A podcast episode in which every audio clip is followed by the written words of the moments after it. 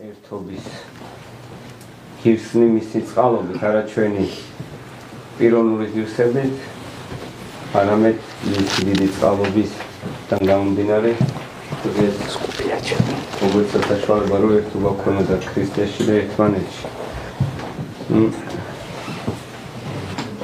მე მინდა მადლობა უთხრა мама თეოდორეს, мама საბას. სტუმრობისას ჩვენი პარტიაში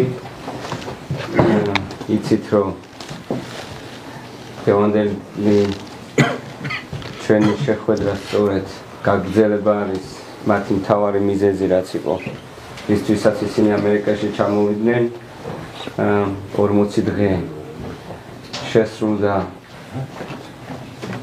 მამა ეფრემის გარდაცვალებიდან ჩვენ ერთად ვიმყოფებოდით არიზონაში და მინდა კიდევ ერთხელ მადლობა უთხრა ღმერთს, რომ ესეთი დიდი წმინდა ადამიანი ცხოვრობდა მიწაზე აქ ჩვენთან ამერიკაში, რომელმაც ძალიან ბევრ ადამიანს ასწავლა ქრისტეს გზა და არა მის ირგვლივ შემოკრიბ ადამიანები არამედ ქრისტეს ირგვლივ და მის სწავლებებს, დარიგებებს თუ წაიკითხავთ და ნახავთ თუ როგორ ფიქრობდა ის, როგორ აზროვნებდა და მისთვის ყველაფერი იყო ქრისტე. ესევე ზევანდელი მამაოს მამა თეოდორეს ქადაგებაც შეიძლება თქვა რომ ეს ამ თავარისთვის, უმთავრესისთვის იყო მერთან ერთობისთვის, მერთან კავშიროვნული კავშირისთვის და ქადაგების დროს რა თქმა უნდა მრევს არ აქვს საშუალება რომ შეკითხები რომელიც უჩნდება რომ დასვას, ამიტომ ჩვენ ესე გადავწყვიტეთ რომ ეხლა კითხვა-პასუხის რეჟიმი იქნება. ქადაგებიდან გამომდინარე ან თუ თქვენ გაინტერესებთ სხვა რაიმე ნებისმიერი თემა სასულიერო რა თქმა უნდა შეგიძლიათ რომ შეკითხვა დასვათ და აა ნახევარი საათი იქნება დრო რამდენსაც მოვასწრებ ნახევარ საათში რამდენი შეგიძლიათ რომ შეკითხვები დასვათ და მამო თქვენ შეკითხვებს უპასუხებთ მაგურთხეთ მე აი ეხლა თქვენ თქვენზე გადმოდის სიტყვა თქვენ შეკითხვებს ხელი აწიეთ და შეგიძლიათ რომ შეკითხო დაწვეთ. თუ გაქვთ, თუ არა გაქვთ, დავისვენებთ უყოლ.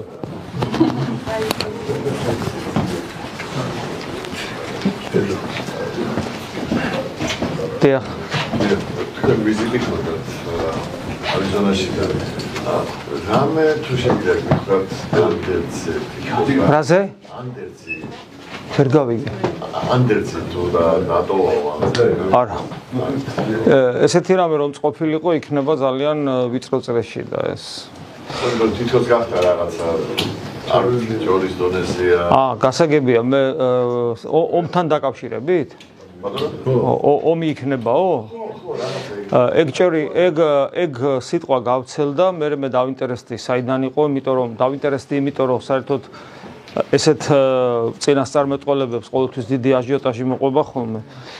და შესაბამისად ხშირად ძალიან არაჯანსაღი გამოვლინებები აქვს ხოლმე ამას.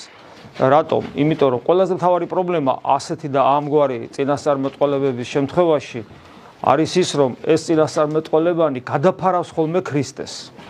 ანუ ადამიანებს ქრისტე არ ახსოვთ ამ დროს ახსოვთ თქვათ ომი და ეს ხა ომის ყოველას ეშინია თავისთავად ცხადია ომით შეშინებული კაცობრიობა კიდევ უფრო იზაფრება და შეიძლება ამ დროს არანაირი კავშირი ამას არ კონდეს საერთოდ სულიერ ცხოვრებასთან.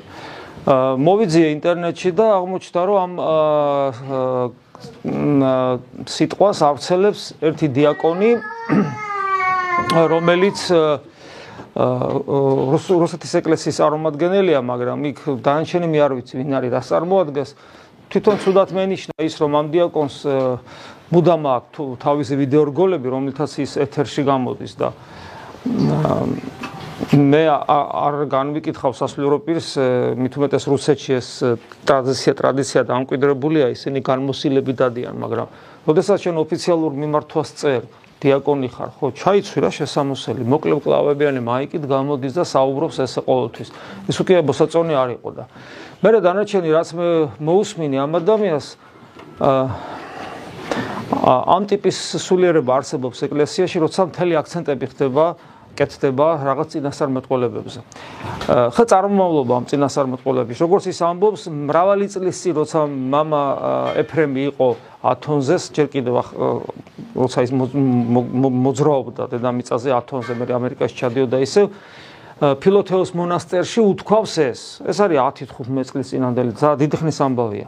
და ფილოთეოს მონასტრის მამებმა ეხლა გაამჟღავნესო, ესე ითქვა. მაგრამ საქმე იმაშია რომ რაღაცნაირი მინიმალური პატარა კავშირი მაინც გვაქვს და არც ფილოთეოს ფილოთეოს მამები დღეს არც თვითონ არიზონას მამები არავინ ამას არ ამბობს და მეცას გეტყვით როგორც კი ეს გავცელდა ფილოთეოს მამებმაც და თქო არიზონას არიზონას მამებმაც ეს უარყვეს ხო, აი ესეთ სიტუაციაა, აბა რა გითხრათ ახლა?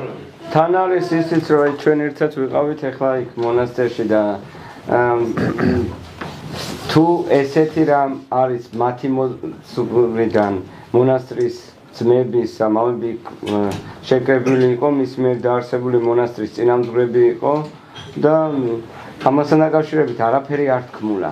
და როცა შენ ამას ელი და შენი მოძღვიდან დანაბარები იქ უნდა თქმულიყო და ესეთი რამ საერთოდ არ ყოფილა. ამიტომ რაღაც მე შეგვეციას კარგია რომ თქვენ როგორ პირველ წაროს გა თქვენგან არის ეს ну შეიძლება თქვას რომ ეს აჟიოტაჟის უარყოფა კი არა მხოლოდ აი ჩაცხრობის აუცილებლობაც იმიტომ რომ ეხლა ზოგს შენ აიცი, შეიძლება მე მითხრა და მე ვიტყვი რომ აი ვინც იყო იქ, ვინც იყო პირველი წყარო და ვინც არიან, იმათ მათ თქვენი სახლი. მამ მამ მამა თეოდორე ინფორმაციას რა პრობლემის წინაშე თქვენ ეს აზრით დგას ჩვენი ემიგრანტების მრევლი და რა პრობლემებია საქართველოში? სულიერ თვალსაზრისით ემიგრანტები დგანანი ზუსტად იგივე პრობლემის წინაშე, რა პრობლემის წინაშე დგას სრულიად საქართველო. ჩვენ და ჩვენს ვამბობ ჩვენ ამ სიტყვაში რა თქმა უნდა გულისხმობ მართლაც ჩვენ ერი და ბერი და გულისხმობ საკუთარ თავსაც სასულიერო პირებს და ასე შემდეგ ჩვენ ყველანი ერთად რაღაცას სერიოზულად ვაშავებთ, რა თქმა უნდა ამის გაშლა არის შესაძლებელი. რომ ეს გავშალოთ და წარმოვაჩინოთ თუ რას ვაშავებთ. მაგრამ რა ვიცი რამდენად მოგცე რამდენად ეხა იძლევა ჩვენი დღევანდელი შეხვედრის ფორმატი ამას და მაგრამ ზოგადად ჩვენ რომ არ ვაშავებდეთ ჩვენ ასა დღეში უბრალოდ არ აღმოჩნდებით. ჩვენ ძალიან დიდი ხანია ქართველები ვაშავებთ. ხანდახან ფიქრობ ხოლმე რომ აი რა რატო უნდა მიყვარდეს სამშობლო როცა ესე ცუდად ვიქცევით? მე მახსენდება რომ ჩვენ ძალიან დიდ პოტენციალს ვატარებთ საკუთარ თავში. ეს პოტენცია გამოიხატება არა მარტო ხო, ნუ პოტენციალს, რომელიც კულტურაშიც გამოიხატება და უახლოეს ისტორიაში, ჩვენს მიღწევებში. ეხლა სახელდებით არ ვუტყვი, მაგრამ არიან ერები, ერები. სამწუხაროდ რომ რომელთა შექმნილი კულტურა ჩვენ არ ვიცით რამე განსაკუთრებული რომ ყველას თავის კულტურა აქვს. ზოგმა მეტი მოახერხა ზოგმა ნაკლები მოახერხა. ქართველებმა ძალიან ბევრი მოახერხეთ. და უბრალოდ კითხვა მიჩნდება რომ თუ ამდენი რამე მოახერხეთ ეხლა რა გჭირს მაგრამ დიდი ხანია ეს გჭირს დიდი ხანია ეს გჭირს და ეს ვლინდება ყველა მიმართულებით მაგალითად ჩვენ აღარ მრავლდებით თუ ვიტყვით რომ აბა ვინ ვრალდება? ეხლა რატო მაგალითად აი ჩვენ 5 მილიონი ვიყავით დაახლოებით ამდენივე იყო აზერბაიჯანის საბჭოთა კავშირი დაიშალა და აბა ხა იქ თითქმის 10 მილიონია და ჩვენ რა საქართველოსში რაღაც დავრჩით მე უკვე აღარ ვიცი 3 მილიონიც რა ვიცი ხო? აი ესეა. ოდესღაც დიდი ქვეყანა თამარის დროს 12 მილიონი მთლიანად და ნუ საკუთრივ ქართველი 8 მილიონი იყო. ამაზე ხშირად საუბრობთ ხოლმე.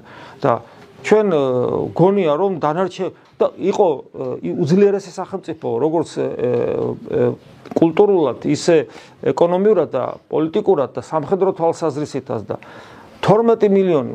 და ჩვენ გონია რომ ეს როგორ შეიძლება მოხდარიყო რომ სამხელაერები არსებობს. რომელი ამხელაერები?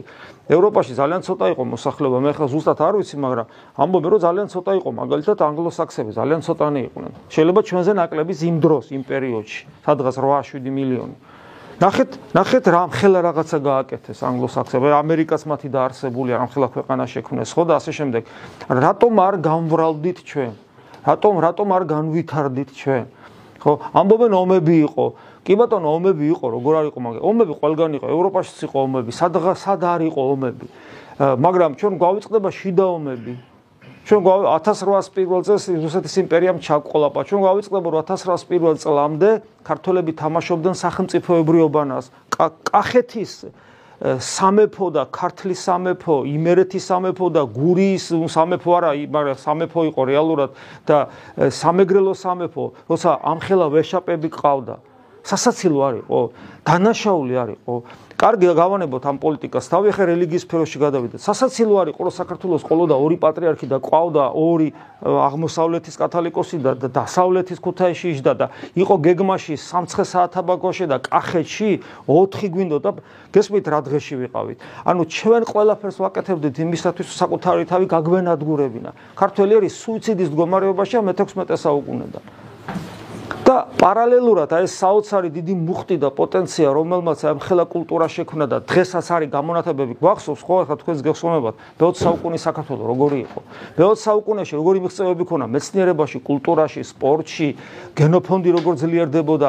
ზნეობაში მორალში ღირსებაში არ ქონდა ესე არის ხო რა ლამაზი ქვეყანა ქონდა ხო?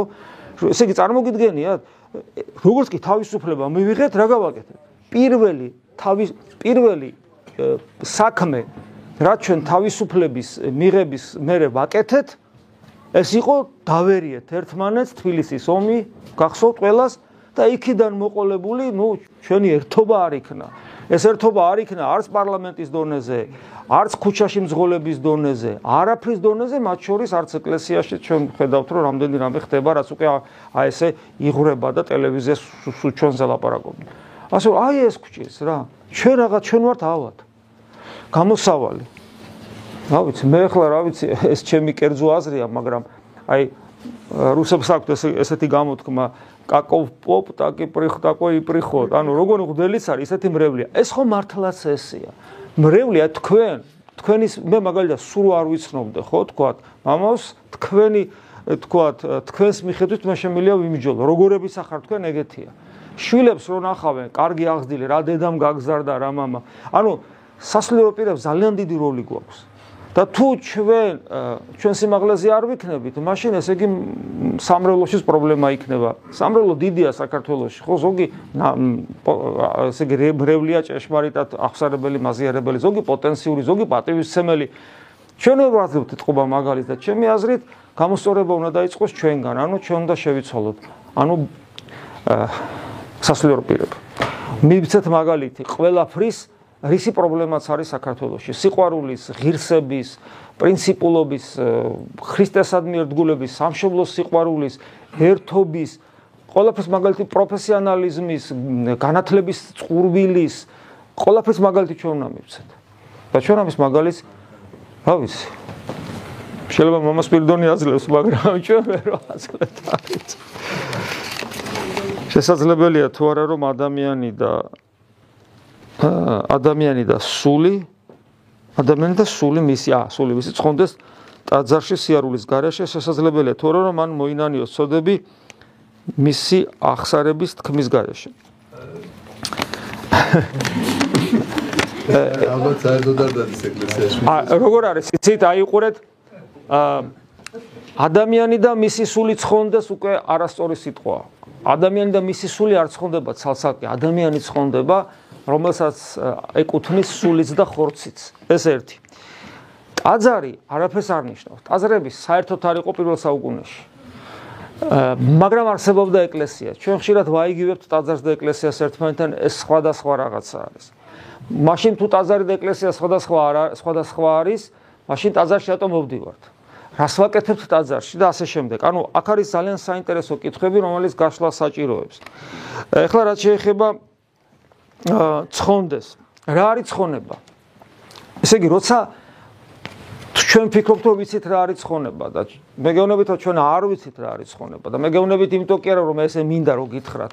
უბრალოდ ქრისტიანული მოძღვრება, რასაც საუბრობს, როგორც საუბრობს ცხონებაზე და რიგითი ადამიანი, უმრავლესობა მათ შორის ისინიც კი სამწუხაროდ ვინც ეკლესიურად ცხოვრობენ, მათი პოზიცია და ქრისტიანობის პოზიცია თუ რა არის ცხონება აბსოლუტურად განსხვავდება ერთმანეთისაგან.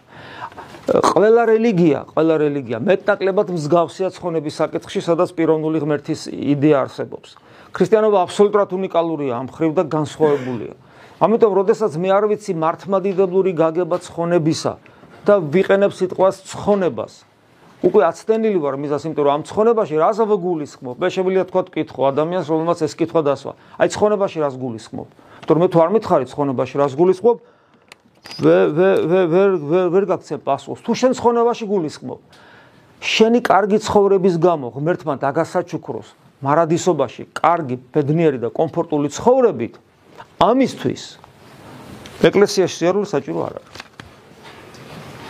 მთელი რელიგიები არსებობს, თქვა ისლამში მაგალითად ხო ისლამში. შენ უნდა იყო მეგობარი ალაჰის.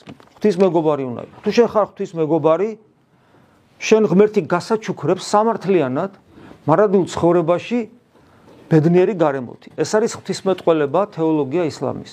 მაგრამ თუ ცუდად მოიქცევი აუცილებლად დაიჯები. იმიტომ რომ აქ არის იურიდიული დამოკიდებულება ცხონებისადმი ღმერთი როგორც მოსამართლე კარგად მოიქეცი დაგასაჩუქრა ცუდად მოიქეცი დაგსაჯა ლოგიკურია? ლოგიკურია. ესე არ ფიქრობს უმრავლესობა ქრისტიანებისა? აი მე სიკეთეს თუ ჩავიდნენ, ესე იგი და თუ ბროტებას რა მომივა და ასე შემდეგ. აი პავლე მოციქული მაგალითად ამბობს, რომ თუ შენ თუ შენ ფიქრობ სიკეთით ვერ ცხონდ, პირდაპირ ამბობს, სიკეთით ვერ ცხონდები. ღვთის მადლით ცხონდები. ეხლა უკვე ღვთის მადლი რაღა არის? სიკეთით რატო ვერ ცხონდები? საერთოდ ისე ვიქმნიდი ვარ ცხონება რა არის? ქრისტიანობა რას ამბობს ცხონებასთან დაკავშირებით? თუ სიკეთით ცხონდება ადამიანი როგორ შევიდა პირველი სამოთხეში ჯვარცმული ავაზაკი რომელსაც ცუდისმეტი ცხოვრებაში არაფერი არ გაუკეთებია ბევრი კითხვები აქვს რომელსაც პასუხები თუ არ გავეცით ჩვენ აი ესე უბრალოდ ცხონდეს ადამიანი ტაძარში სიარულის გარეშე მოინანიოს ცოდვები ეხლა უყურე მოინანიოს ცოდ რა არის ცოდვა პავლე მოციქული მრავლობიში სიტყვა ცოდვებს არასდროს არ ახსენებს პავლე მოციქული ცოდვას ყოველთვის ხოლობით შეახსენებს ცოდვა რა არის ცოდვა რა არის ცოდვა? აი ადამიანი წარმოედგინეთ ადამიანი რომელიც ბავშვობიდან იდეალურად ზნეობრივად აღიზარდა და პროფესიაც ისეთია საბავშვო ბაღის დირექტორია თქვა და არასოდეს არაფერი ცხოვრებაში არ დაუშავებია. არის თუ არა ეს ადამიანი ცოდვილი? აი მე კომიკურ სიტუაციაში ჩავარდნა როცა ახალი ახალი ახალი მოსული ვიყავ ეკლესიაში. ადამიანი ფეუნები კაცო და ადამიანია შეიძლება ადამიანს უტიფრად ემტკიცებინა არა პრინციპში გულწრფელად მაგრამ უტიფრად მაინც არასოდეს ცხოვრებაში არანაირი ცოდვა არ ჩაუდენია და რო ჩამოგიწვევ ჯო ეს არ გაგიკეთებია ეს არ არ გამიკეთებია კაცო რა ვქნა.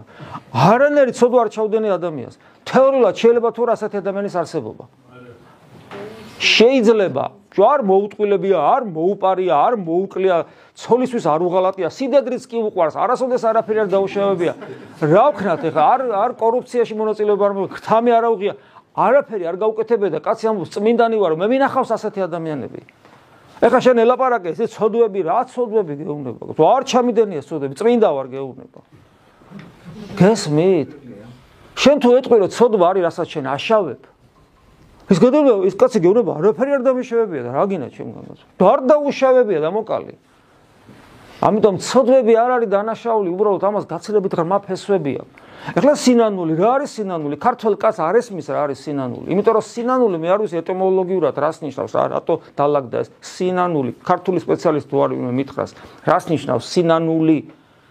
ბერძენმა იცის, იმიტომ რომ სინანულის აღნიშნული სიტყვა იქ არის მეტანოია. მეტანოია. მეტანოია ნიშნავს პირდაპირ შინაგანი სამყაროს ცვლილებას. გონების გონება ეს არ არის, ტვინი არ არის, შინაგანი სამყარო. მის ცვლილებას, ცვლილების უბრალოდ ცვლილების პროცესს. ესე იგი რაღაცა პროცესია შენში. თორე ქართულ კაც, როცა ეს მისინანული გონია, რომ აი დავაშავე და სინდისის ქეჯნით, აი მაპატიე ღმერთო და სინდისის ქეჯნით აწუხებს, დააშავა რაღაცა ღმერთო მაპატიე ღმერთი არ აპატიებს, აპატიებს ქრისტიანობა გეუბნება. ასე რომ შენ თუ გაწუხებს რაღაც დანაშაული, თუ ღვთის წინაშე ტაძარში მოსვლის garaშე იტყვი რომ ღმერთო მაპატიე გულით, იცოდე რომ 100%-იანი ღმერთი გპატიებს. იმ დანაშაულს. მაგრამ ცოდვისგან ვერ გათავისუფლდები. თორე ცოდვა არ არის შენ მინდა ჩადენილი დანაშაულები. ცოდვა სხვა რაღაცა და მე თუ არ ვიცი რა არის ცოდვა. მაშინ კითხვის დასმასაც აზრი არ აქვს, იმიტომ რომ გესმის ჯერ ეს სიტყვები უნდა განიმარტოს. ამიტომ არის რომ ამ პასუხ ამ კითხვაზე პასუხის გაცემა ესე პირდაპირ შეუძლებელია, იმიტომ რომ უნდა განიმარტოს რა არის ადამიანის დანიშნულება, რომ ესე იგი რას ნიშნავს ცხონება, რას ნიშნავს ტაძარი და ნუ განვარცოთ ალბათ ეკლესია ეგულისხმება, რას ნიშნავს ეკლესია, რას ნიშნავს სინანული, რას ნიშნავს ცოდვა და საერთოდ რას ნიშნავს ახსარებაც. ახსარება კიდე რა არის? ადამიანები მოდიან და წირვა ადამიანები მოდიან დელთან და ამბობენ ეს დავაშავე ეს დავაშავე ეს და გულწრფელად ყველაფერს ამბობს. მე ვეუბნები რომ შენი ახსარება არ არის ქრისტიანული. იმიტომ რომ ასეთ ახსარებას იტყვის აი ნებისმიერ რომ გავიდეთ ქუჩაში ათეისტიც რომ იყოს და რაღაცები რაც დაუშავებია შენსავით იგივე მე დავაშავე ეს ეს ეს სინდისით შეაწუხებს და მადლობასაც მეტყვის ათეისტი მღვდელსაც თუ მე ვარ ნუგეში, რომ ნუგეშინია ძმაო, ეხა რა პრობლემაა? ნუ მერტი ყველაფერს არ წამს, მაგრამ მოკლედ. და სინდის დამშვიდებული რაგან აღიარა წავა. ეს არ არის ქრისტიანული აღსარება. არ არის. ცოდვების აღიარება სინდისის მიხედვით, მხოლოდ სინდისის მიხედვით, მხოლოდ სინდისის მიხედვით არ არის აღსარება. ქრისტიანი. ეს არის აღიარებითი ჩვენება პროკურორის წინაშე. ან ფსიქოლოგის წინაშე. ანუ ჩვენ როცა არ ვიცით რა არის ახსარება, რა არის სინანული, რა არის სოდვა, რა არის ეკლესია, რა არის ცხონება, ამ კითხვაზე პასუხი როგორ უნდა გაქცე? ცი ყველაფერი თავიდან არის დასაწყები. ეხლა ასე რატო ამბო პრინციპულად? ადამიანმა რო იცოდეს რა არის ცხონება, ეკლესია, სინანული, ცოდვები, ახსარება, ესენი რო იცოდეს და ადამიანი როგორც ღვთის ხატი და მსგავსი რა დანიშნულება ეს რო იცოდეს, ამ კითხვას აღარ დასვავს ხალხი. ანუ ყველაფერი თავიდან არის დასაწყები. ორამ წარე პასუხი გაგეცით. ანუ მე რა პასუხი გაგეცით, იცით რომ პასუხი კი არ გამიცია, მე ამდენი სპეციალად ვილაპარაკე. რომ ადამიანი რომელიც ამ კითხვას სვავს, ამგვარი კითხვები აინტერესებს, მან დაიწყოს ძიება. ესე იგი მან მან აღიაროს ჯერ რომ არაფერი არის ის. არაფერი არის ის ქრისტიანობაში და დაიწყოს ძიება. და როგორც კი თვითონ დაიწყებს ძიებას, აი უკვე გამყარდება ჭეშმარიტებაში.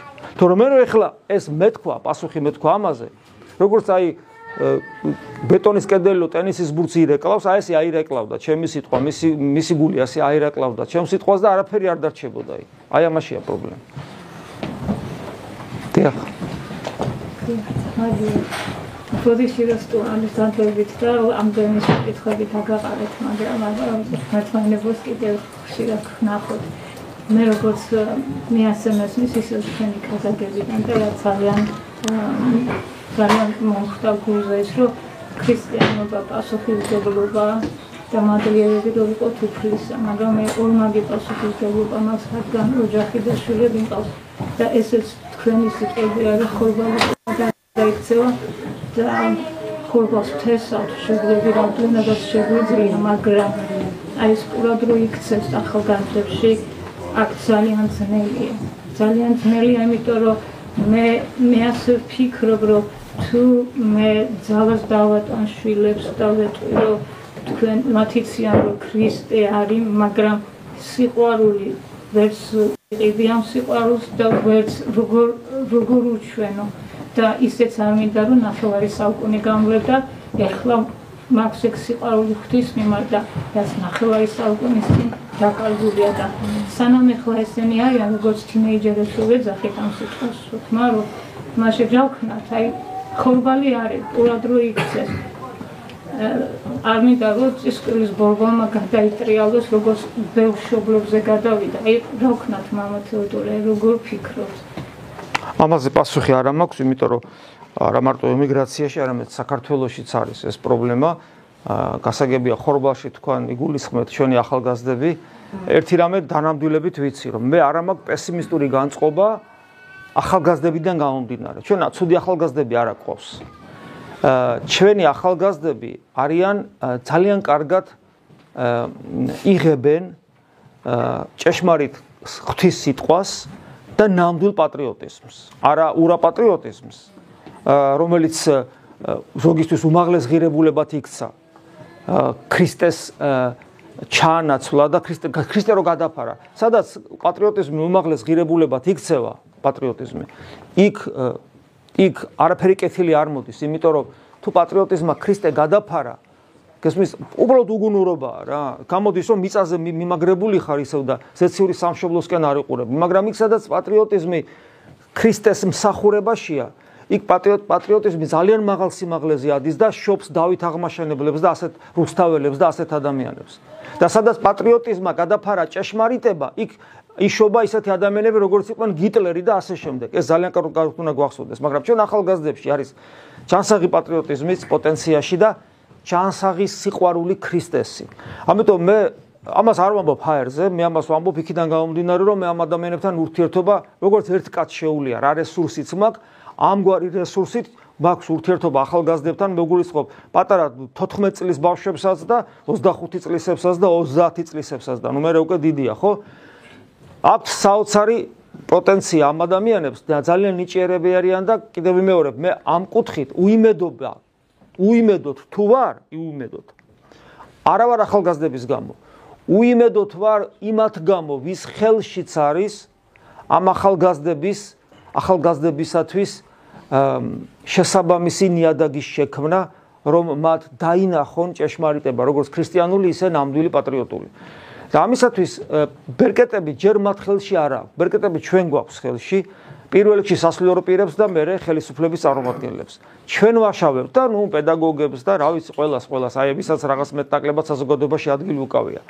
ჩვენ სანამ არ ვისწავლით რა არის საკეთებელი. ჩვენ სანამ არ ვისწავლით თავისუფლების არ მიცემ პატივს პატივს ადამიანში ყველაზე მთავარ ღირებულებას თავისუფლებას, მათ შორის ბავშვებში და ახალგაზრდებში. სანამ ჩვენ არ შევძლებთ ნიჭიერების დანახვას და ამ ნიჭიერი ადამიანების მოძიებას და მათ ნიჭიერების შესაბამის ადგილებში დაყენებას. სანამ აი ამგვარად არ ვიაზროვნებთ, ჩვენ არაფერი არ გვეშველება.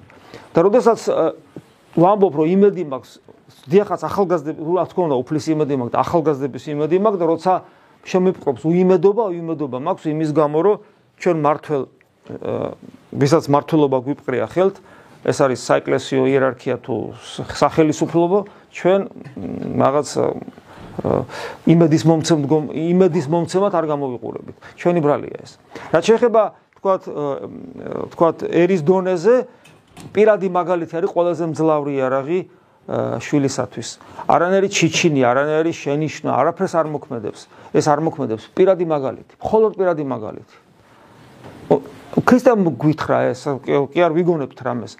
იყავით ნათელი ამას ოფლისა. შენ თუ ნათელი არ ახარ, შენ თუ არანათებ შინაგანად, ისე რომ მისმა სულმა ეს დაინახოს შენი სულის ნათელი, რომელიც ქრისტია. რაც არ უნდა ელაპარაკო, ამას აზრი არ აქვს. ასე რომ ახალგაზრდები იმეც იძლევიან. ჩვენ ბებრები არ ვიძლევით იმეც.